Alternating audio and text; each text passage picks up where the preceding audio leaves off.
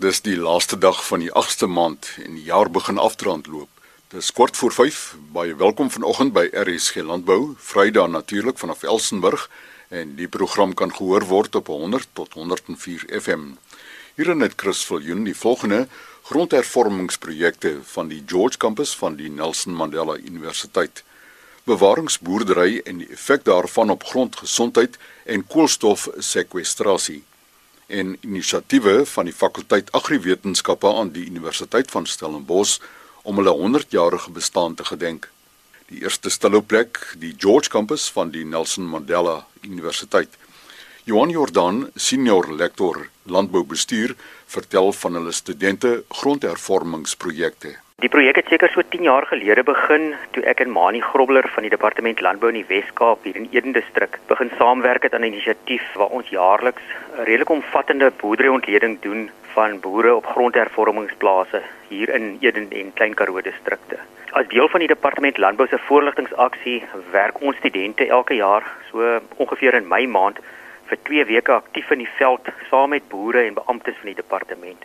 Nou tydens hierdie 2 weke word uh, elke plaas is nou hoofsaaklik veeplase, alle diere geweeg, geklas, soms ingeënt, gedoseer en selfs gebrandwerk as dit uh, sou nodig wees. Maar saam met hierdie aktiwiteite word daar dan ook 'n volledige opname gedoen van die boere se operasies die afgelope jaar. So dan na afloop van die 2 weke opnames in die veld, uh, word elke student dan nou gevra om 'n boerdery ekonomies te ontleed. So elkeen van hulle kry 'n boer om ekonomies te ontleed. Nou dit sluit in meestal bruto marge ontleding van elke bedryfstak asook 'n netto boerdery inkomste van elke plaas en dan uiteindelik ook om te bepaal wat die opbrengs op kapitaal is. Nou ons glo natuurlik dat hierdie projek op verskeie vlakke 'n bydrae lewer tot die landbou. Jy weet aan die een kant word waardevolle data verskaf van die departement landbou, veral ekonomiese data wat dan vorentoe gebruik kan word, jy weet in voorligtingsaksies en ondersteuningsaksies en uh, selfs vir die regering as hulle sou dit sou nodig vind om van die data te kon gebruik. Vir die boere weer uh, is dit ook belangrik want uh, hulle kry jaarliks 'n maatstaf van hulle finansiële prestasie al dan nie. Nou so vir die afgelope jaar was die finansiële prestasie van boere maar redelik kwai onder druk. Uh, verskeie boere natuurlik negatiewe opbrengs op kapitaal gerealiseer, maar ten minste kan hulle hiervanaf dan voortgaan en vorentoe beplan. Nou in hierdie projek word van elke student dan ook verwag om om 'n bondige verslaggie op te stel vir die boer se resultate en dan uh, tydens 'n private onderhoud word dit dan uh, met die boer bespreek uh, saam met 'n beampte van die departement landbou. So vir jare het hierdie terugvoering ook geskied tydens die George Landbou Skou waarna al die boere natuurlik uitgenooi was om deel te neem met hulle diere. En uh, dan tydens die skou was daar 'n inligting sessie gereël deur die departement landbou uh, waar daar tydens daar ook 'n klomp toekenninge gemaak is aan boere en natuurlik van die inligting wat uit ons opnames en prestasieontledings kom wat dan ook gebruik vir sekere kategorieë toekenninge. Maar Chris vir ons as universiteit is hierdie projek ook belangrik in die sin dat ons benewens ons opleiding en navorsing ook dan 'n bydrae lewer tot gemeenskapsontwikkeling. Die Nelson Mandela Universiteit het as een van sy strategiese doelwitte uh, juist die uitbreiding van diens aan die gemeenskap en het uh, ons ook 'n eenheid binne die universiteit gevestig wat dan befondsing en ondersteuning bied aan sulke projekte. Maar baie belangrik en ek dink laastens bied hierdie tipe projekte ook baie waarde vir studenteopleiding. Omdat hierdie projek nie net nou maar weer 'n akademiese oefening is nie, maar die student nou midde in die realiteit van die praktyk geplaas word. Dis die kennis en die vaardighede hulle wat hulle so opdoen van onskatbare waarde vir hulle loopbane vorentoe. Nou Chris, as iemand meer wil weet oor hierdie projek of uh, ons uh, oor ons landboubestuuropleiding hier op die George kampus, kan hulle my kontak enige tyd by 044 801 5111 of ook per e-pos kontak by Johan.Jordan@mandela.ac.za. Senior lektor landboubestuur van die Nelson Mandela Universiteit se George Campus, Johan Jordan. Johan se telefoonnommer 044 801 5111. Sy e-pos johan.jordan@mandela.ac.za bewaringsboerdery, grondgesondheid en koolstofsekwestrasie.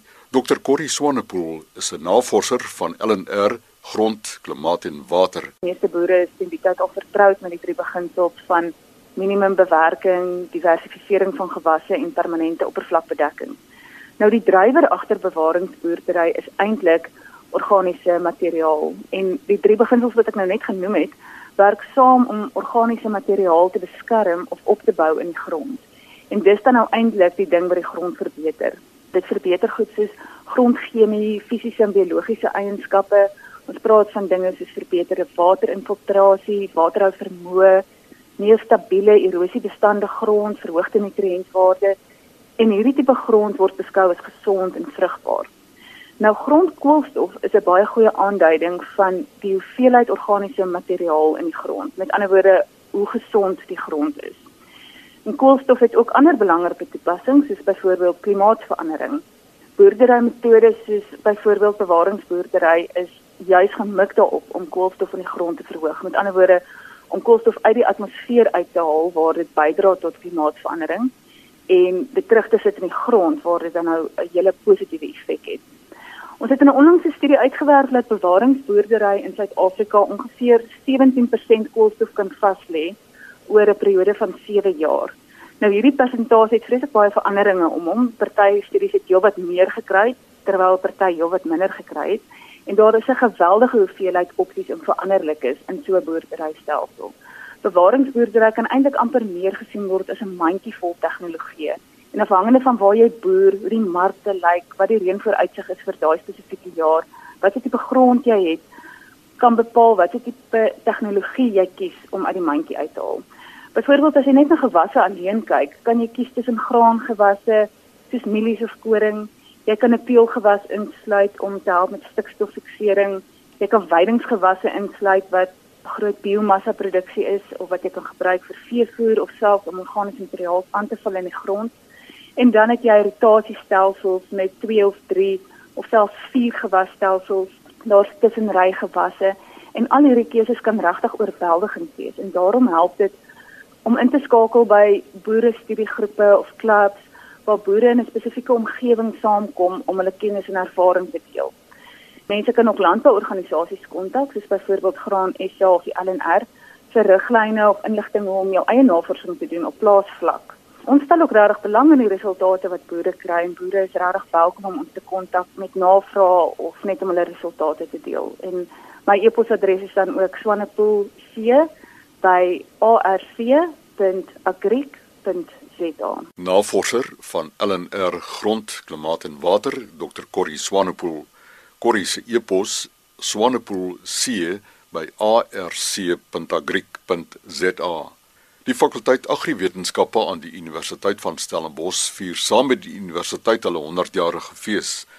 Nou die fakulteit het met 'n verbeeldingryke gedagte na vore gekom en dekaan professor Dani Brink vertel. Ons het vir Strydom van der Merwe wat 'n internasionaal erkende landskapkunstenaar hier is, 'n alumnus van Stellenbosch, maar ook gevestig hier op Stellenbosch wat al sy kunswerke op uitnodiging in Japan, vele male in Europa en tot bo in Noorwe tentoongestel het.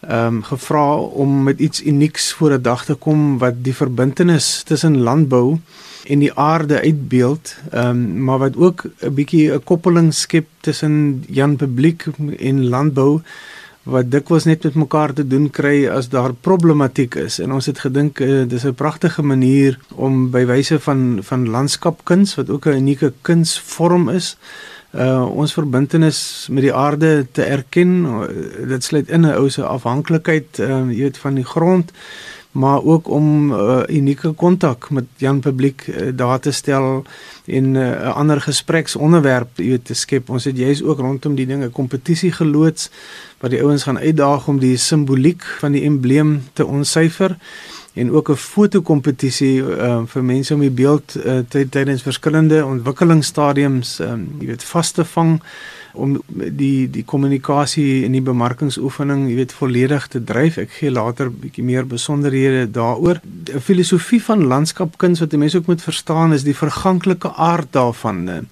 Normaalweg word media uh in beelde gekies uh medium gekies wat weer verganklik is uh, of dit is 'n uh, getywisseling wat 'n pragtige klipkunswerk op die strand insluk of in hierdie geval is dit met twee gewasse waarmee ons werk, die pragtige groen van die Oeverbergse uh, garsvelde, uh, tesame met die wisselbou gewas van canola wat weer die pragtige geel blom gee En stryd om met daai media gekies uh, om met die kleurkontras te werk.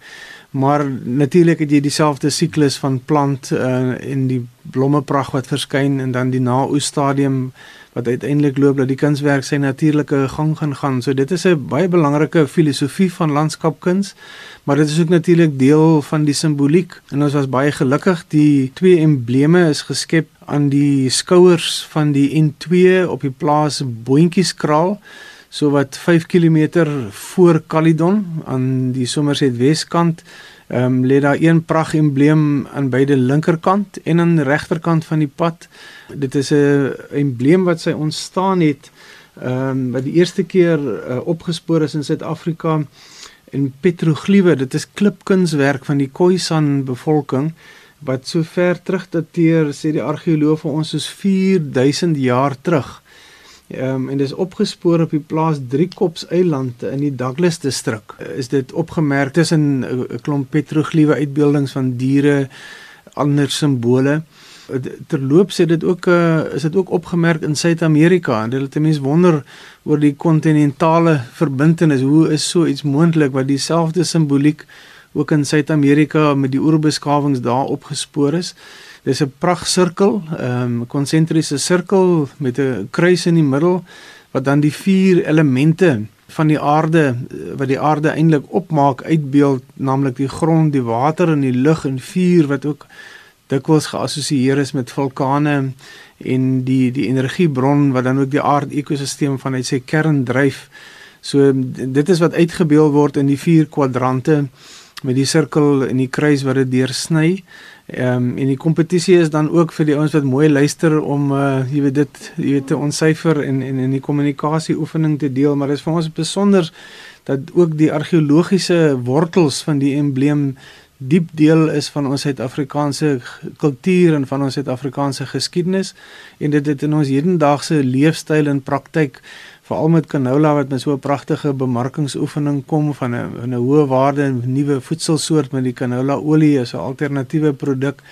Ja, dis wonderlik hoe mense oor tyd en oor geografiese denkraamwerke heen nou hierdie kontak kan bewerkstellig. So, ons is baie trots om met uh, strydom geassosieer te wees. Ons is baie dankbaar vir Boontjieskraal plaas wat goedgunstiglik vir ons geakkommodeer het om hierdie projek daar te doen, veral Richard Kriege wat uit sy pad het gegaan het om dit moontlik te maak.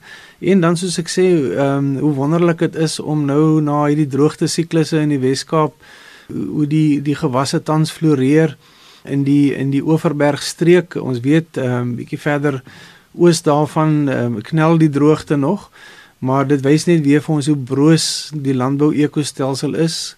Maar in hierdie geval is ons baie gelukkig dat die projek ook uit 'n plantkundige oogpunt en uit 'n omgewingsoogpunt so mooi vorm aanneem en ons dink dit gaan in die volgende 10 dae die spits bereik wat kleurkontras aanbetref maar die embleem is al van saaityd af sigbaar en hy behoort tot oestyd nog herkenbaar te wees gegee die heeltemal verskillende aard van die smalblaar en die breëblaar gewasse wat ons gebruik het. So ons hoop die publiek kan saam met ons deel uh, in die uniekheid daarvan uh, en ook dit saam herdenk die die mooi oesjaar wat daai streek het en dan die koppeling wat ons eintlik wil um, bewerkstellig tussen landbou en landpubliek iets anders skep om 'n slag oor te gesels en ook ons ons intellek 'n bietjie te ontbloot te gaan delf van ons diep geskiedenis van 4 jaar terug maar ook vorentoe te kyk van hoe broos en hoe belangrik ons aarde is waarop ons leef. Die dekaan van die fakulteit Agriwetenskappe aan die Universiteit van Stellenbosch, professor Dani Brink en enigeen wat belangstel om die simboliek waarna professor Brink verwys het te ontsyfer kan skakel met Karen Bruce van die fakulteit by die e-posadres cbruce b r u c e c bruce by sun sin.ac.za en dan in RSG landbou môreoggend om kwart voor 12 werkskepping danksy indringerbeheer in die Kaapse wynlande. Ek is vandag alreeds so 7 jaar deel van uh, Lentjie se projekte In hierdie stadium het ek nou van 12 werkers het ek 39 permanente werkers en dan nou 3 wat ek van tyd tot tyd in diens neem. Hierdie maand het ons ons koöperatief gestig waar ons almal wat ons doen op ons klein maat heidaglik in groot maat kan doen en nog werk kan skep. Dit gaan nie oor waar jy vandaan kom nie, maar waar jy eintlik op pad is. Vanaf Elsenburg is dit Chris Viljoen wat groet.